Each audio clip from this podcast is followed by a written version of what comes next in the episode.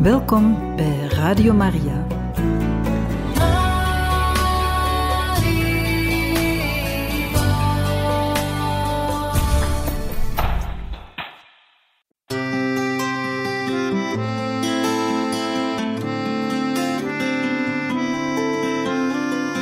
Welkom bij Kerk in Nood, een programma van Radio Maria.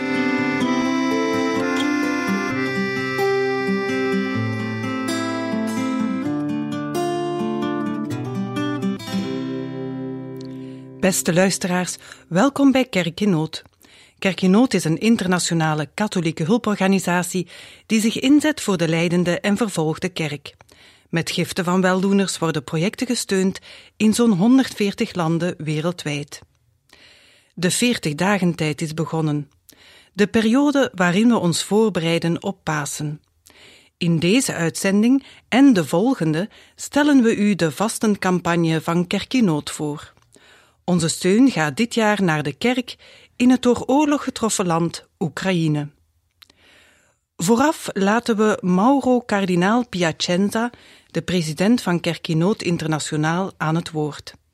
Hij spreekt tot ons bij het begin van de vasten. Goede vrienden, destijds toen de mannen van Israël de preek van Petrus en de overige apostelen hoorden, vroegen ze: Wat moeten we doen, broeders? En Petrus antwoordde hen: Kom tot inkeer en laat u alle dopen in de naam van Jezus Christus, om vergeving te krijgen voor uw zonde. Dan zal de Heilige Geest u geschonken worden. En met nog veel meer woorden legde hij getuigenis af, waarbij hij een dringend beroep op zijn toehoorders deed met de woorden: Laat u redden uit deze verdorven generatie. Ommekeer, innerlijke transformatie, ontdekking van het doopsel als bron van vreugde, afkering van de zonde, groei in de nieuwe schepping, vlucht van de cultuur van de dood en van de verweerdelijking in al haar dimensies. Dat is ons programma voor de vaste tijd en voor de voorbereiding op het komende heilige jaar. Wat moeten we doen? Ook wij moeten ons dit afvragen, want het geloof in het evangelie kan niet worden gereduceerd tot de pure verstandelijke aanvaarding van een leer. Het betekent daarboven ook dat er een verandering van het gedrag en van ons volledig bestaan plaatsvindt. Het antwoord van Petrus geldt ook voor ons. Het is een antwoord dat in essentie drie opgaven bevat: de ommekeer, het sacramentele leven en de distanciering van de verdorven generatie. In de eerste plaats, kom tot inkeer. Er wordt ons niet gezegd: ga de discussie aan, houd er u intensief mee bezig, betwist het. In plaats daarvan wordt ons gezegd: verander u zelf van binnenuit, zodat uw zijn en uw handelen geleidelijk overeenkomen met het paasgebeuren. Dan de tweede aanwijzing: maak van uw doopsel, dat in u een levende werkelijkheid is, de onuitputtelijke bron van uw genadeleven. Verdring door de trouwe en steeds meer volkomen deelname aan de heilige mysteries de zonde en elke tegenstrijdigheid uit uw innerlijk leven. En laat in u de nieuwe schepping groeien, die de verrezen Heer door zijn uitstorting op Pinksteren teweeg brengt. En tot slot maant de heilige Petrus ons aan: laat u redden uit deze verdorven generatie.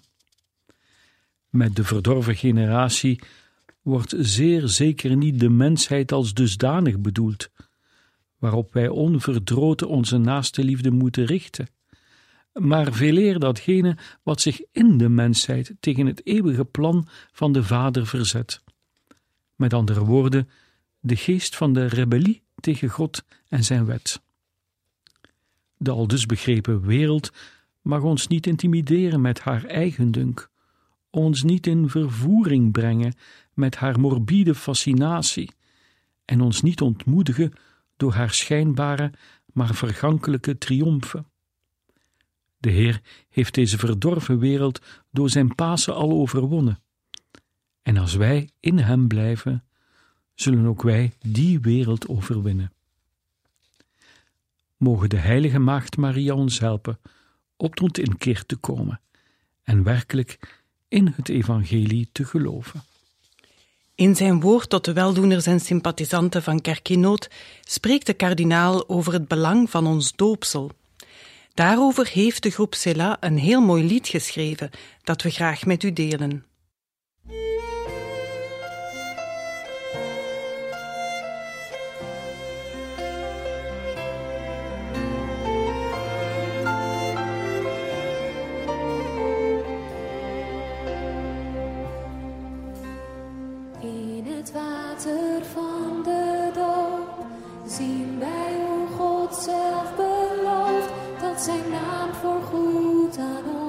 Verbonden is. Water dat getuigt en spreekt van de hoop die in ons leeft, dat Gods liefde voor ons niet veranderd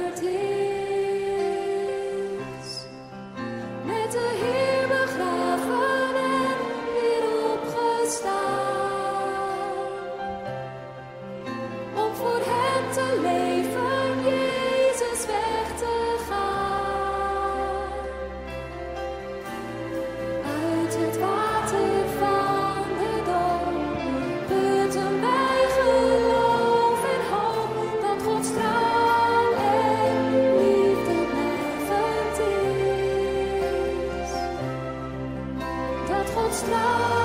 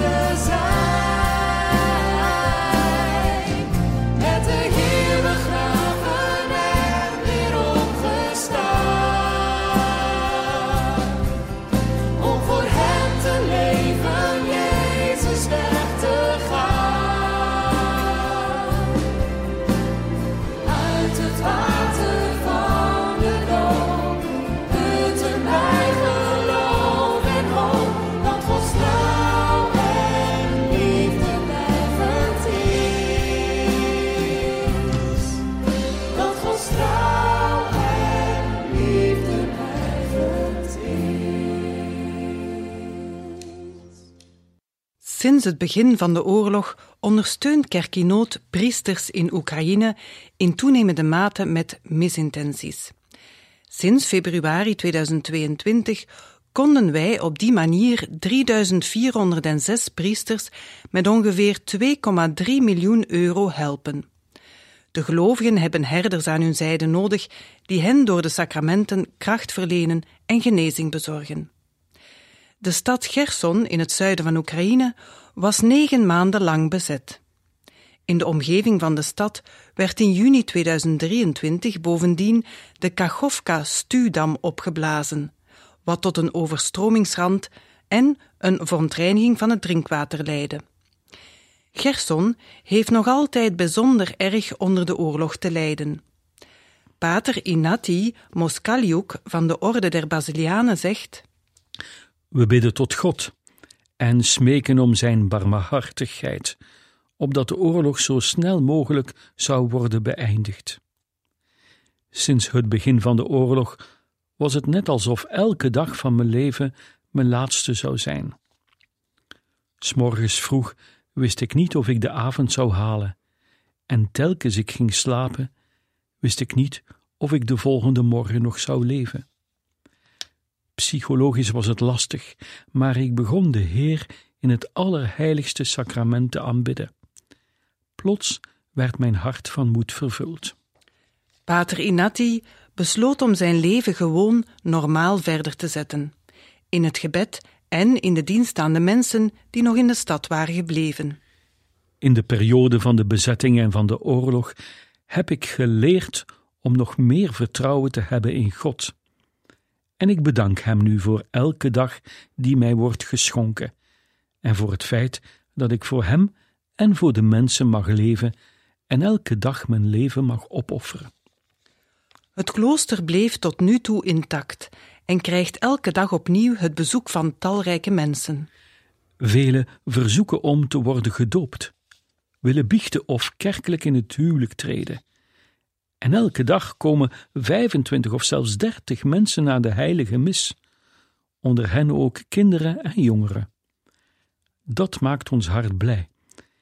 En het offer dat wij tijdens de bezetting hebben gebracht, werpt nu vruchten af. Aldus pater Inati met dankbare vreugde.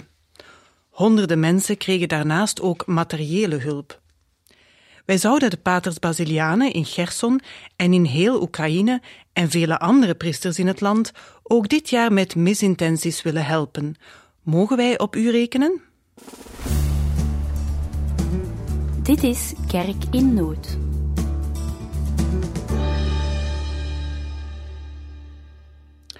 Al twee jaar lang leven kinderen en jongeren in Oekraïne inmiddels voortdurend onder stress en in angst. Velen zijn met hun moeders naar West- of Centraal-Oekraïne gevlucht en hebben alles moeten achterlaten wat hun lief en dierbaar was. De meeste vaders vechten in de oorlog en heel wat onder hen zijn al gesneuveld. De moeders staan zelf onder enorme emotionele stress. Daarom organiseert de kerk onder andere zogenaamde vakanties met God, zodat de kinderen een paar dagen lang de verschrikkingen van de oorlog kunnen vergeten, vreugde en samenhorigheid kunnen beleven, kunnen spelen en zich door het gezamenlijke gebed en de heilige mis opnieuw mentaal opladen. Er worden ook bezinningsdagen voor jongeren georganiseerd, bijvoorbeeld in het Maria-heiligdom van Berdichev. Sinds het begin van de oorlog konden wij ervoor zorgen dat meer dan 3000 kinderen en jongeren aan dergelijke vakantieinitiatieven konden deelnemen. Zomerkampen in Oost-Europese landen zijn altijd een mooie en gewaardeerde gelegenheid voor gedeelde momenten van vreugde en geloof in God. Ze zijn een middel om kinderen en jongeren te evangeliseren. Weldoeners van Kerkinoot steunen deze initiatieven elk jaar. Met de situatie in Oekraïne is deze steun belangrijker dan ooit om de jongeren te sterken en hen naar het licht en de hoop van Christus te trekken. In deze moeilijke situatie kunnen ouders alleen maar dromen van een kans om hun kinderen op vakantie te sturen.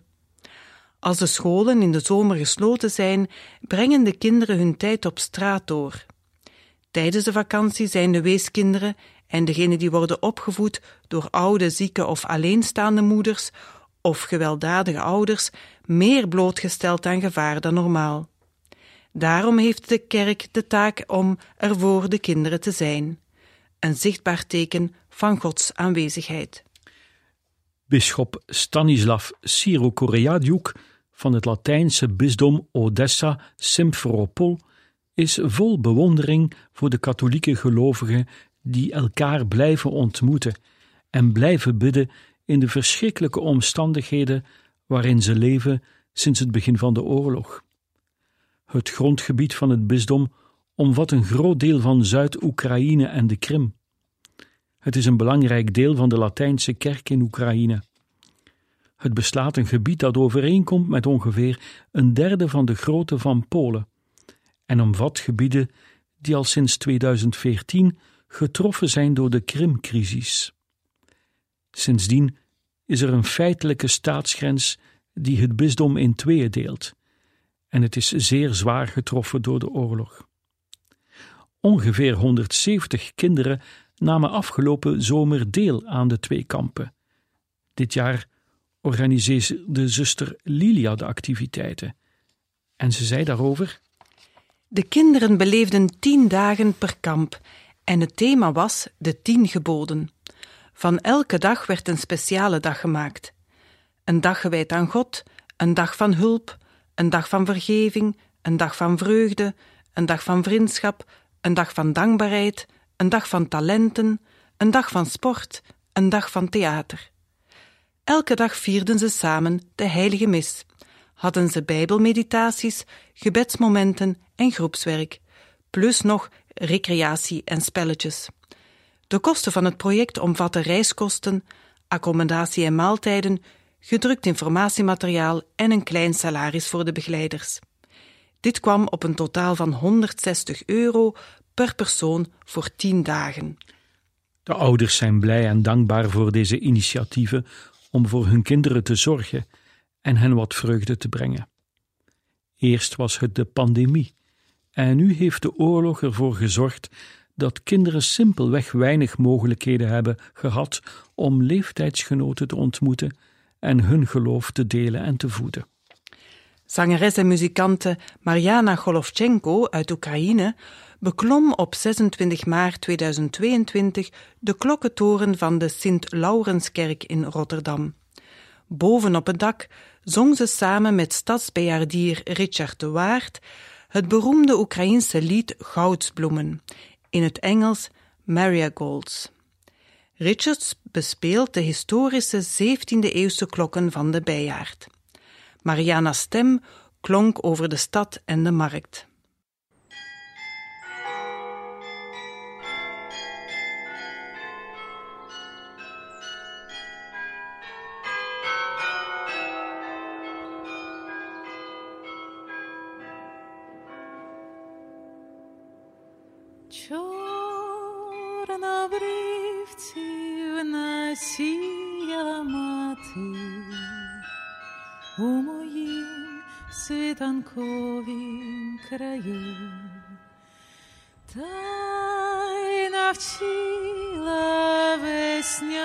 Веснянки співати про квітучу надію свою як на ті чорнобривці погляну, бачу матір стареньку, бачу руки твої, моя мама, твою ласку я чую, рідненька. Я розлуки і зустрічі знаю, бачив я у чужій стороні, чорнобривці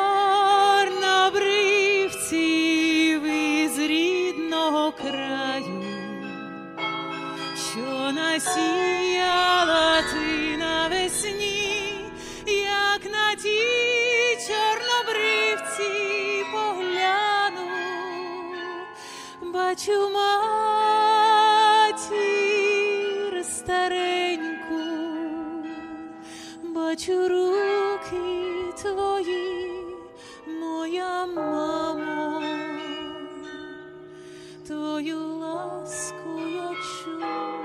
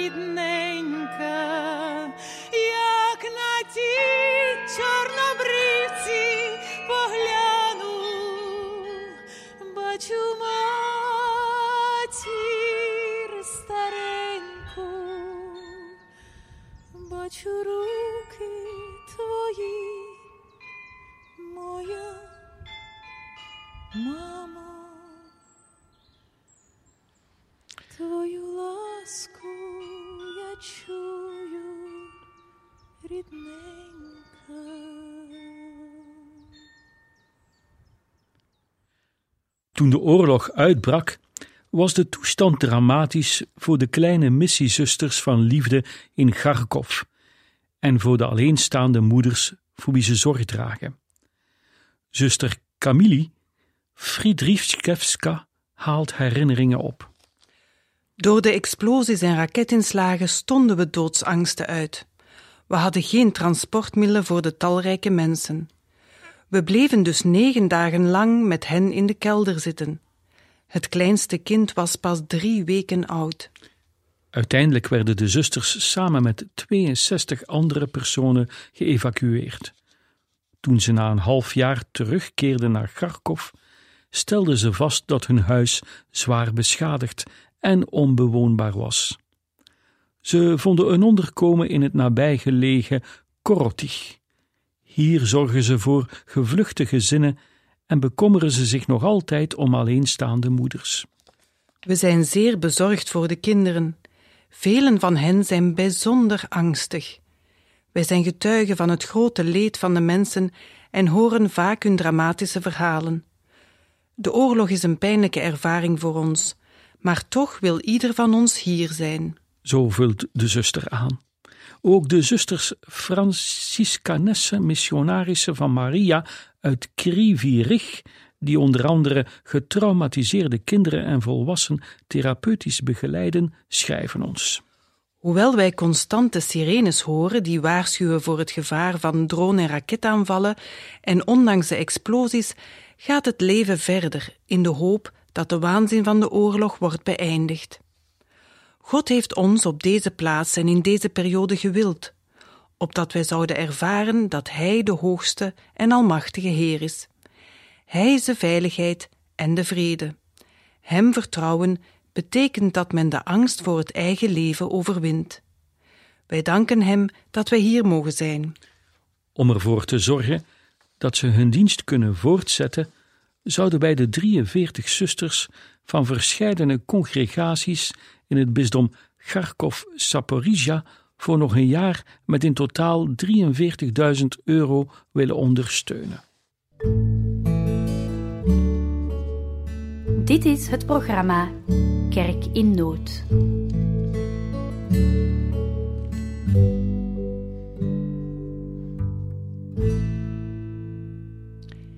Sinds februari 2022 hebben wij in Oekraïne 41 voertuigen kunnen bezorgen.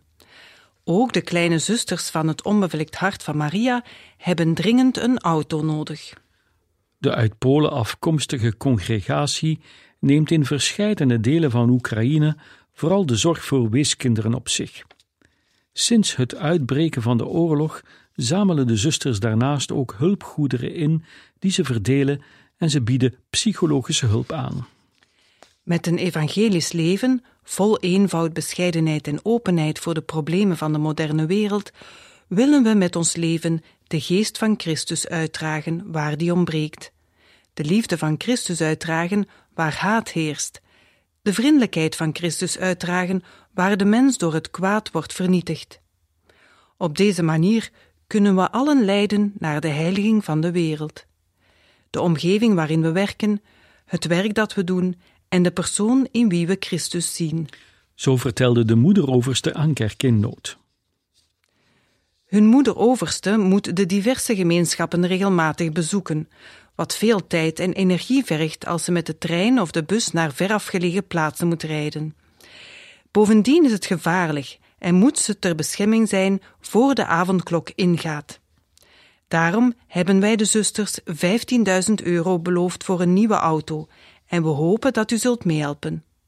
In Vorzel, dat is vlakbij Kiev, ontmoette Kerk in Nood zuster Carmella, die samen met twee van haar medezusters een weeshuis runt. Hier wonen acht jongeren tussen de 15 en 21, allemaal met verschillende mentale stoornissen en beperkingen. Geen gemakkelijke taak voor de zusters. De kinderen wonen al vanaf hun peutertijd bij de zusters. Ze kennen geen andere thuis. Ook al hebben sommige kinderen toch nog sporadisch contact met hun moeders, die om verschillende redenen niet in staat zijn om zelf voor hun kinderen te zorgen. Eigenlijk maken kindertehuizen geen deel uit van ons charisma, maar God heeft ons deze uitdaging gegeven en dus nemen we die zonder mopperen aan.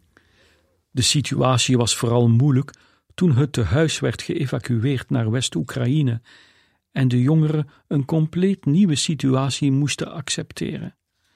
Pas afgelopen zomer konden ze terugkeren naar hun vertrouwde omgeving. Vitaly Krivitsky, bisschop van het Rooms-Katholieke bisdom Kiev-Jitomir, drukt zijn dankbaarheid aan de weldoeners van Kerkinoot als volgt uit. Namens alle zusters van het bisdom Kiev-Zitomir in Oekraïne bedank ik u hartelijk voor uw langdurige vriendelijkheid en steun voor de zusters in hun behoeften. Vooral tijdens de nog steeds voortdurende oorlog ontvingen we de broodnodige hulp voor 140 zusters voor een bedrag van 70.000 euro, waardoor het mogelijk was dit moeilijke jaar te overleven. De situatie was vooral moeilijk in de winter, vaak zonder verlichting of verwarming. Voor dat jaar stegen de prijzen voor alles met een factor 3 tot 4. Zonder deze hulp zou overleven onmogelijk zijn geweest. De gezondheid van veel zusters ging achteruit door de constante stress en slapeloze nachten als gevolg van de frequente alarmen, en een deel van deze fondsen werd gebruikt voor medische behandelingen. De zusters gebruikten dit geld ook voor het onderhoud van de huizen, verwarming, nutsvoorzieningen, warme kleding, schoenen en andere noodzakelijke uitgaven.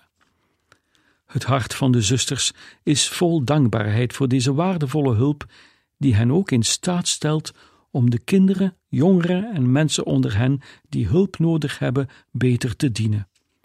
We betuigen onze oprechte dank aan al onze weldoeners en verzekeren hen van onze biddende herinnering. Kerkinoot zal deze hulp in 2024 voortzetten. Een gift van 500 euro is voldoende om een zuster een jaar lang te voorzien in de basisbehoeften, met name medische zorg. In het volgende lied herkent u de melodie van Amazing Grace, maar we horen nu een Oekraïense versie met als titel Genade zo oneindig groot. En de tekst begint zo: Prachtige genade heeft mij gevonden in de afgrond van het kwaad, heeft me aan de voeten van Jezus geleid en me een nieuw leven gegeven.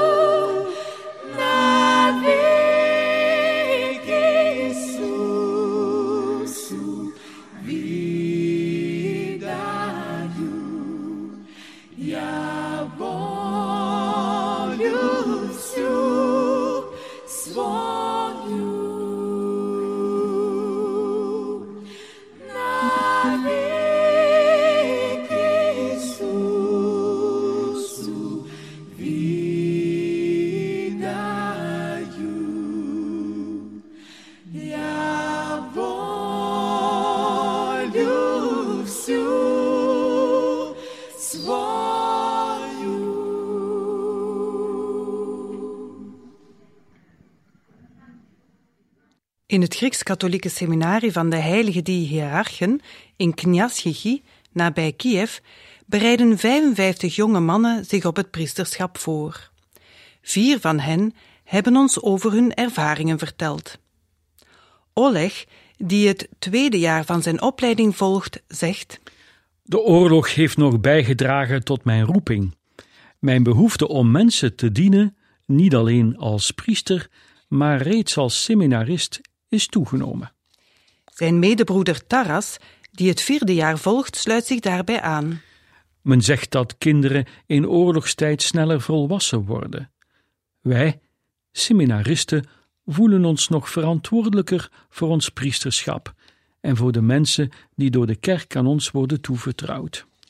Zelf heeft hij in de oorlog al veel levensgevaarlijke situaties meegemaakt. Daardoor werd mijn roeping opnieuw gedefinieerd en is ze sterker geworden. Oorlog betekent altijd dat er leed en angst is, maar biedt ook de gelegenheid om deze duisternis met licht en liefde te vullen.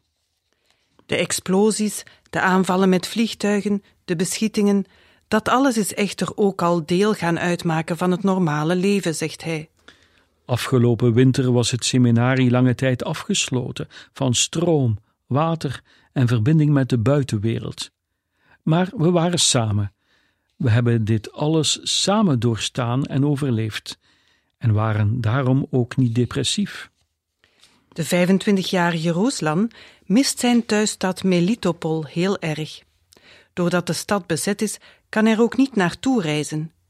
Hij mist vooral zijn parochiegemeenschap. Dankzij de technologie kan de afstand worden overbrugd. Samen bidden we elke dag de rozenkrans op het internet. Daaraan nemen niet alleen onze parochianen in Melitopol deel, maar ook mensen die gevlucht zijn en nu in verscheidene delen van Oekraïne of in het buitenland verblijven. Broeder Melitech, een seminarist in het zesde jaar van zijn opleiding, is een monnik. Hij koesterde al lang de wens om priester te worden. In de oorlog maakte hij momenten van angst mee, maar hiervan is hij zeker. Het gebed in het klooster is wat ik elke dag doe voor mijn eigen zielenheil en voor degenen die dat niet kunnen doen. Als priester wil hij in de toekomst klaarstaan voor de mensen die geestelijke begeleiding nodig hebben.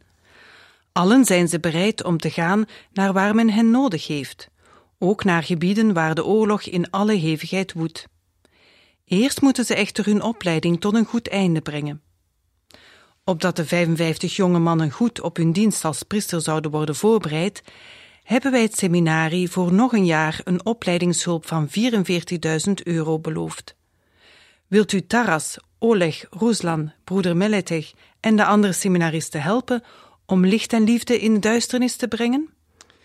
In het volgende lied, Licht, zingen jongeren uit dat Jezus ons licht brengt in de duisternis.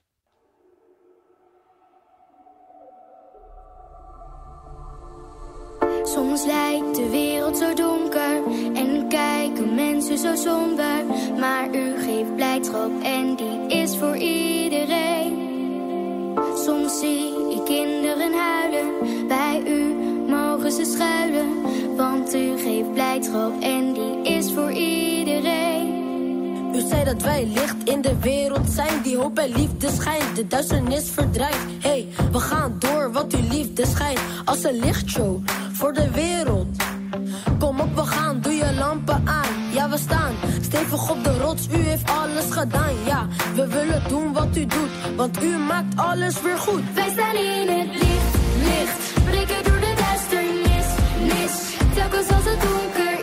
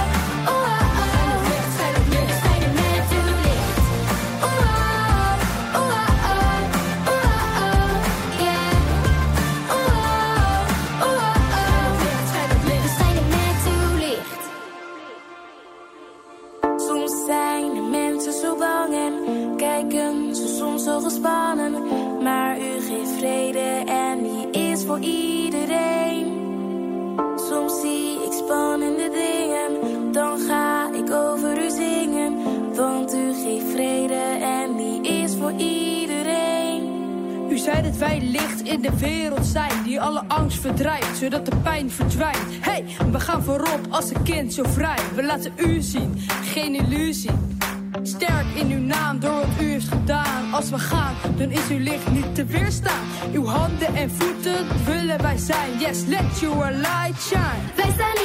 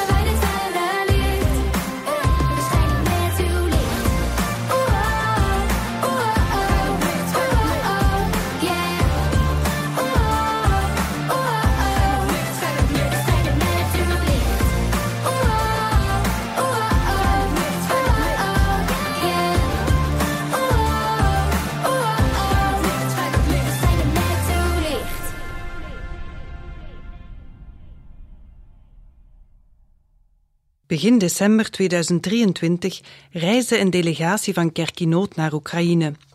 De Kapucijnen in Kiev vertelden hoe ze het begin van de oorlog hadden beleefd. Hoe ze elke dag samen met de zusters van Nazareth aan de zijde van de mensen staan. En welke gevaren hen tot op vandaag bedreigen. Op 22 februari 2022 zagen we al mensenstromen naar het noordwesten trekken. Korte tijd later waren de straten leeg en verlaten. En dan kwamen de vluchtelingen. Zo beschrijft broeder Blazej het begin van de invasie. Drie dagen lang kon niemand het huis verlaten. We waren er ons echter niet van bewust dat de Russische soldaten al aan de volgende brug over de Dnieper stonden. De zusters van Nazareth op het terrein van de Kapucijnen hadden een vergelijkbare ervaring. Ze zochten bescherming in de kelder onder de kerk. Al snel werden ze daar vervoegd door twintig geëvacueerde burgers uit Tcherniv, die al twee weken in de kelder van hun huizen hadden doorgebracht. Kustos Sergei, de overste van het klooster in Kiev, herinnert zich De adrenaline pompte door mijn lichaam. Ik was voortdurend aan het organiseren en nodigde buren uit die geen water en geen sanitaire voorzieningen in hun schuilplaatsen hadden. In maart trokken de Russische troepen zich terug uit Kiev. Het verschaffen van onderdak aan intern ontheemden duurde nog tot november. Tot 500 mensen stonden elke dag aan de omheining te wachten op warme soep van ons. Zo herinnert zich zuster Bohomila. Als er geen stroom was, werd die afgetapt van de straatverlichting. Ondertussen beschikken beide gemeenschappen dankzij kerkenood over een noodstroomgenerator. Inmiddels heeft de toestand zich weer een beetje genormaliseerd. Regelmatig vinden er kerkdiensten en catecheselessen plaats in de kerk. Maria, moeder van de kerk. De kleuterschool van de zusters heeft de deuren opnieuw geopend. Dankzij de kapucijnen en een psychologe is er ook een nieuw initiatief van start gegaan op het kloosterterrein.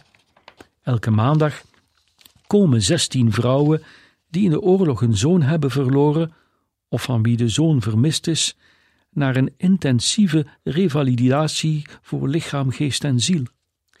Ik ben telkens weer verrast hoe ze op die korte tijd opnieuw levensmoed scheppen en een netwerk organiseren. Aldus Ludmila Sherivna, van wie de echtgenoot en twee zonen aan het front zijn. Sinds 2014 zet ze zich in voor moeders die met hun verdriet alleen worden gelaten. Even belangrijk als de gesprekken en therapiesessies met de psychologen zijn het gezamenlijke gebed, met daarna de gezamenlijke cappuccino met de capucijnen.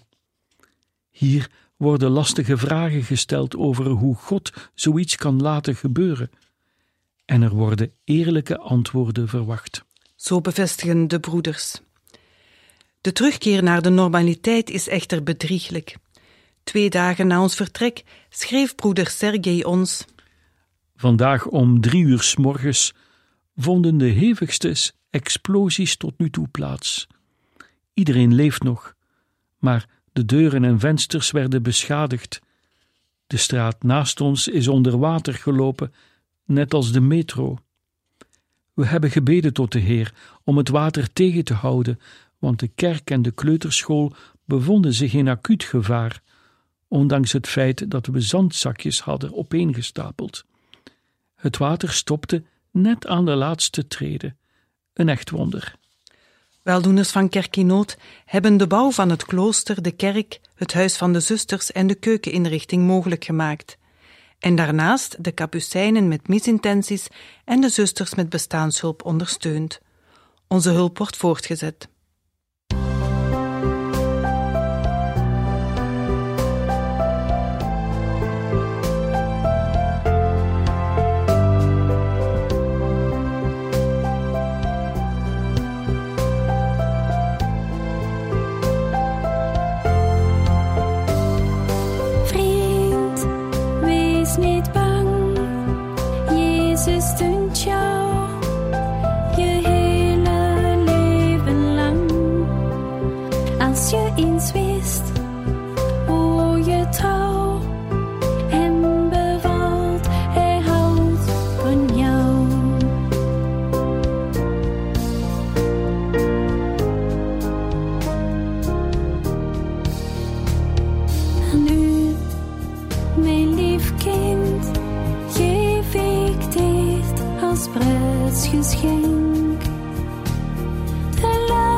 Laatste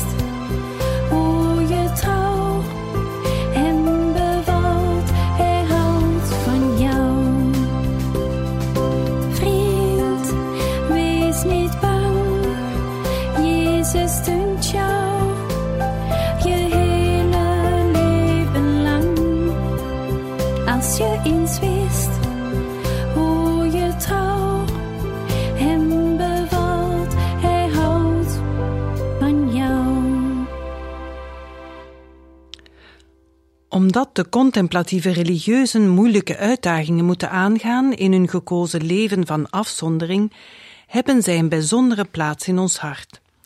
Kerk in Nood steunt al bijna 70 jaren de slotzusters en monniken in slotkloosters over de hele wereld. En een voorbeeld hiervan zijn de Benedictinessen in Oekraïne. Sinds 1988 hebben ze een nieuwe stichting in Zitomir, een stad met 300.000 inwoners in Oost-Oekraïne. Ooit waren ze aanwezig op het grondgebied van de voormalige Sovjet-Unie, in Oekraïne, in Wit-Rusland en in de Baltische staten. Maar al deze kloosters werden in 1946 gesloten en de meeste zusters vluchtten naar Polen. Slechts een paar van hen overleefden in de ondergrondse kerk. In 1995 vonden de zusters dat het mogelijk was om de bouw van een nieuw klooster te overwegen, in overeenstemming met hun specifieke charisma. Hoog op een heuvel boven de stad nodigt het uit om God te zoeken in gebed en in de schoonheid van de omringende natuur. zoals de zusters het zelf uitdrukten. Het duurde echter tien jaren om het klooster te bouwen, omdat het buitengewoon moeilijk was om de benodigde financiering te krijgen. Pas in 2006 konden ze de kapel en het klooster, die ze hebben toegewijd aan de bescherming van Maria onbevlekte ontvangenis, formeel inzegenen. Vandaag trekt het klooster een groeiend aantal jonge vrouwen aan die op retraite komen om de kloosterlijke levenswijze te leren kennen, om deel te nemen aan eucharistische aanbidding en geholpen te worden bij het oplossen van hun spirituele problemen. Voor de pandemie en het uitbreken van de oorlog runden de zusters ook een kunstschool voor kinderen en ze boden workshops aan voor naaien en borduren, voor het maken van liturgische gewaden en ander kerkmeubilair, voor het schilderen van iconen en het maken van gipsen beelden. Een andere bron van inkomsten voor de zusters is een tuin en kwekerij van exotische plantensoorten. De zusters worden ingezet voor deze verschillende taken, afhankelijk van de behoeften van de gemeenschap en de specifieke capaciteiten en talenten van de zusters zelf. Deze activiteiten helpen om te voorzien in het minimum dat nodig is voor het overleven van de 18 zusters.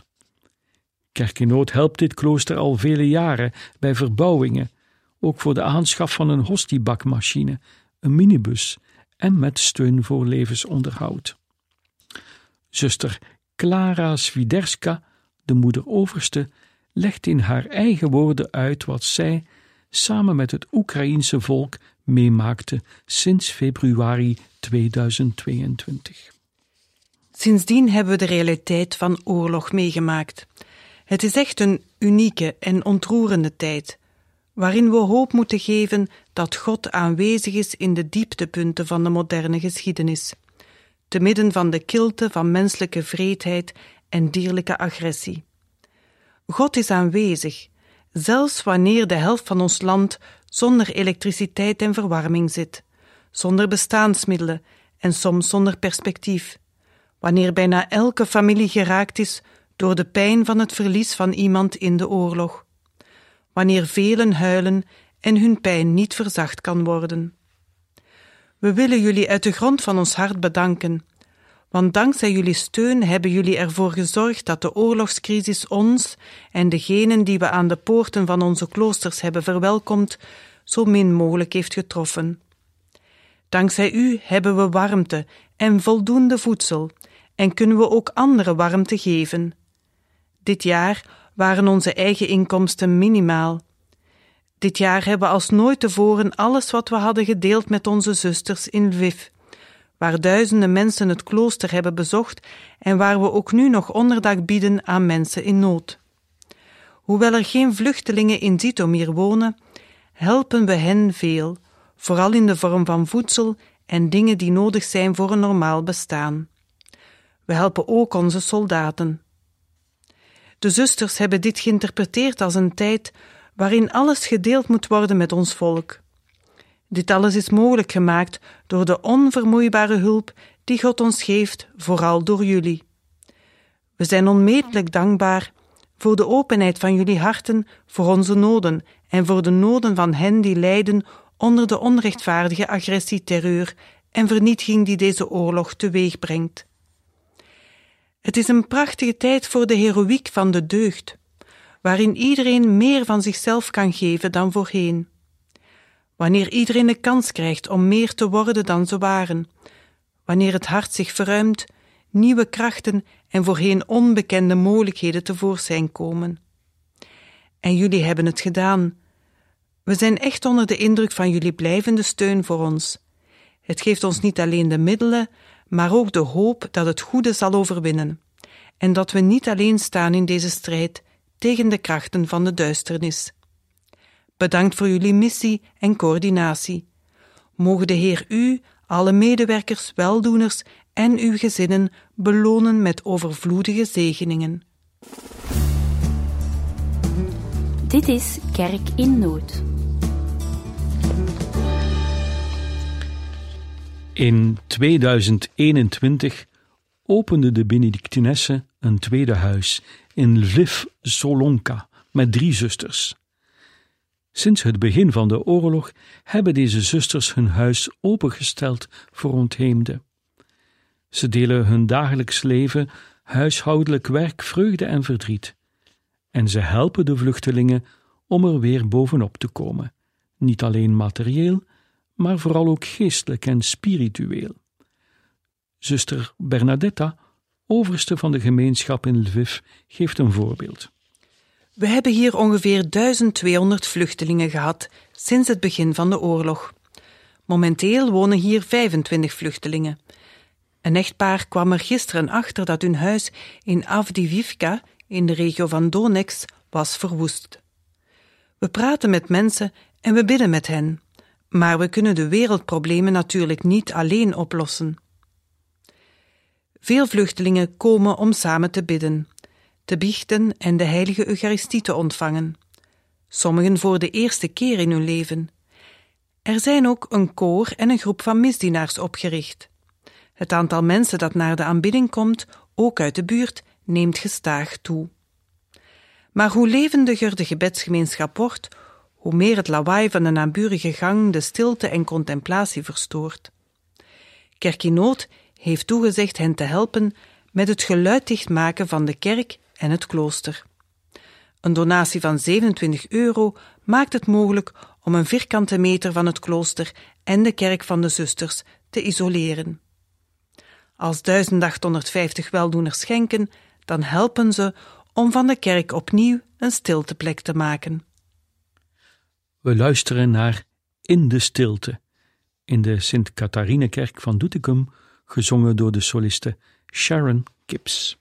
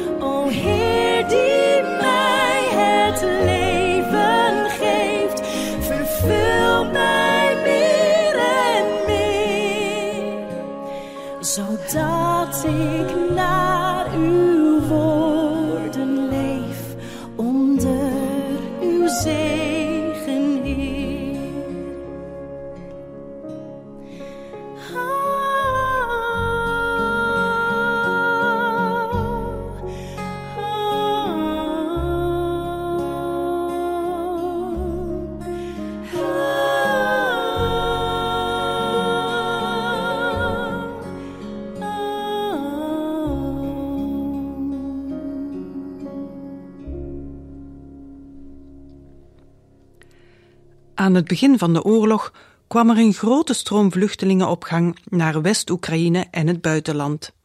Veel kerkelijke instellingen vingen duizenden vluchtelingen op. Ook de priesters en religieuzen waren erbij betrokken. Iedereen die kon nam de vluchtelingen vrouwen met kinderen op of hielp hen hun reis voor te zetten. Dit was alleen mogelijk omdat de priesters in hun parochies bleven. Niemand van hen verliet het land. In plaats daarvan voelden ze zich geroepen om anderen die leden te helpen, ook al bevonden ze zichzelf in een moeilijke situatie. Ondertussen is de situatie enigszins genormaliseerd en beter beheersbaar geworden. De economische, politieke en financiële situatie in Oekraïne is extreem moeilijk en de prijzen van elektriciteit, gas, benzine en voedsel zijn in sommige gevallen verdrievoudigd. Er komt nog steeds humanitaire hulp uit het buitenland, maar die is sterk verminderd en de oorlog die woedt nog steeds. Er vallen raketten, mensen verliezen hun leven en bijna elk gezin is getroffen. De parochies moeten nog steeds hun lopende kosten betalen en het onderhoud van de parochies moet worden gegarandeerd. Vandaar dit verzoek van bisschop Misislav Mokritski om 500 euro te geven aan elk van zijn 223 priesters, wat natuurlijk een druppel op een gloeiende plaats is. Maar met onze solidariteit geven we een signaal van erkenning aan de priesters en hun missie in deze moeilijke oorlogstijd.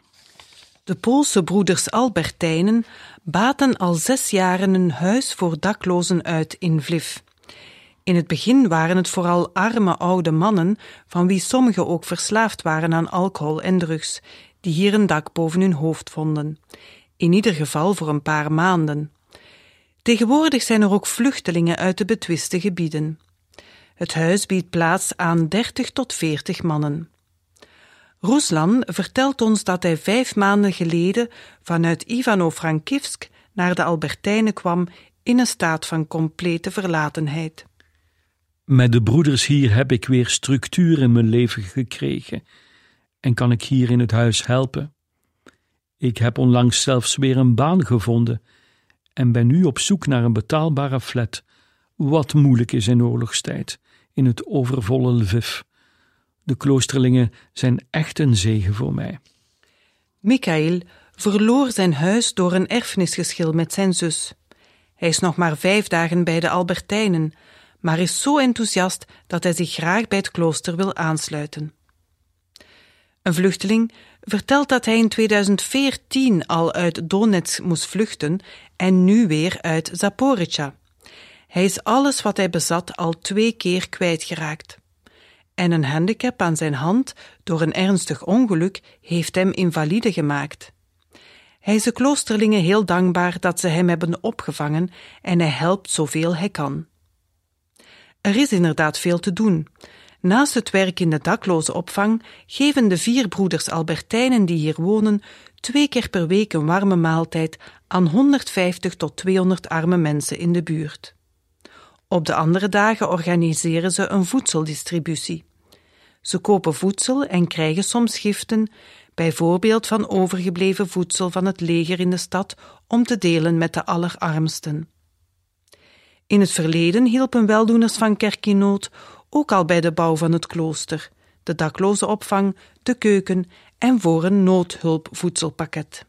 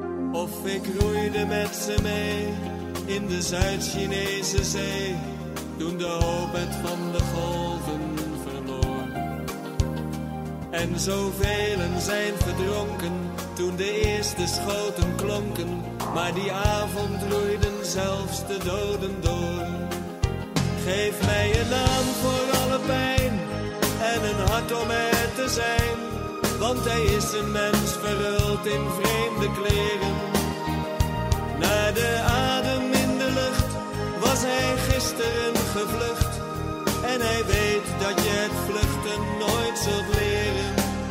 De idioten van de macht brachten alles lang verwacht. Want ze hadden nog hun lesje niet geleerd. Kameraden met hun bloed, de victorie smaakt te zoet. Wie geroepen is, die handelt niet verkeerd. Als ik een vluchteling zou zijn, heel ver weg in de woestijn, en mijn hoogste idealen waren dood. En ik dacht aan dat gebed, toen de tijd werd stilgezet. Geef ons heden ons dagelijkse brood. Geef mij een naam voor alle pijn en een hart om er te zijn. Want hij is een mens verhuld in vreemde kleren.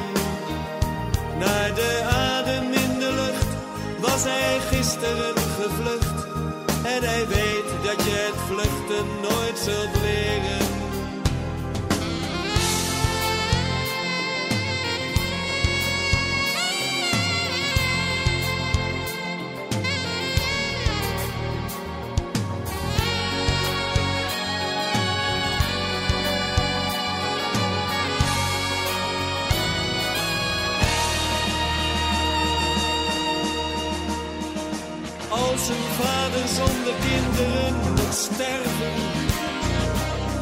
Een vluchteling het einde niet meer ziet, zal de zwakke dan Gods koninkrijk beërven.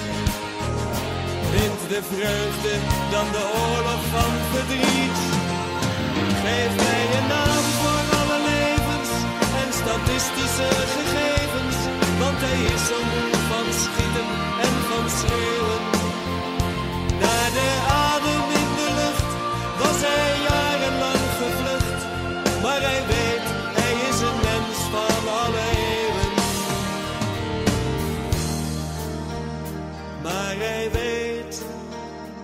Is een mens van alle eeuwen.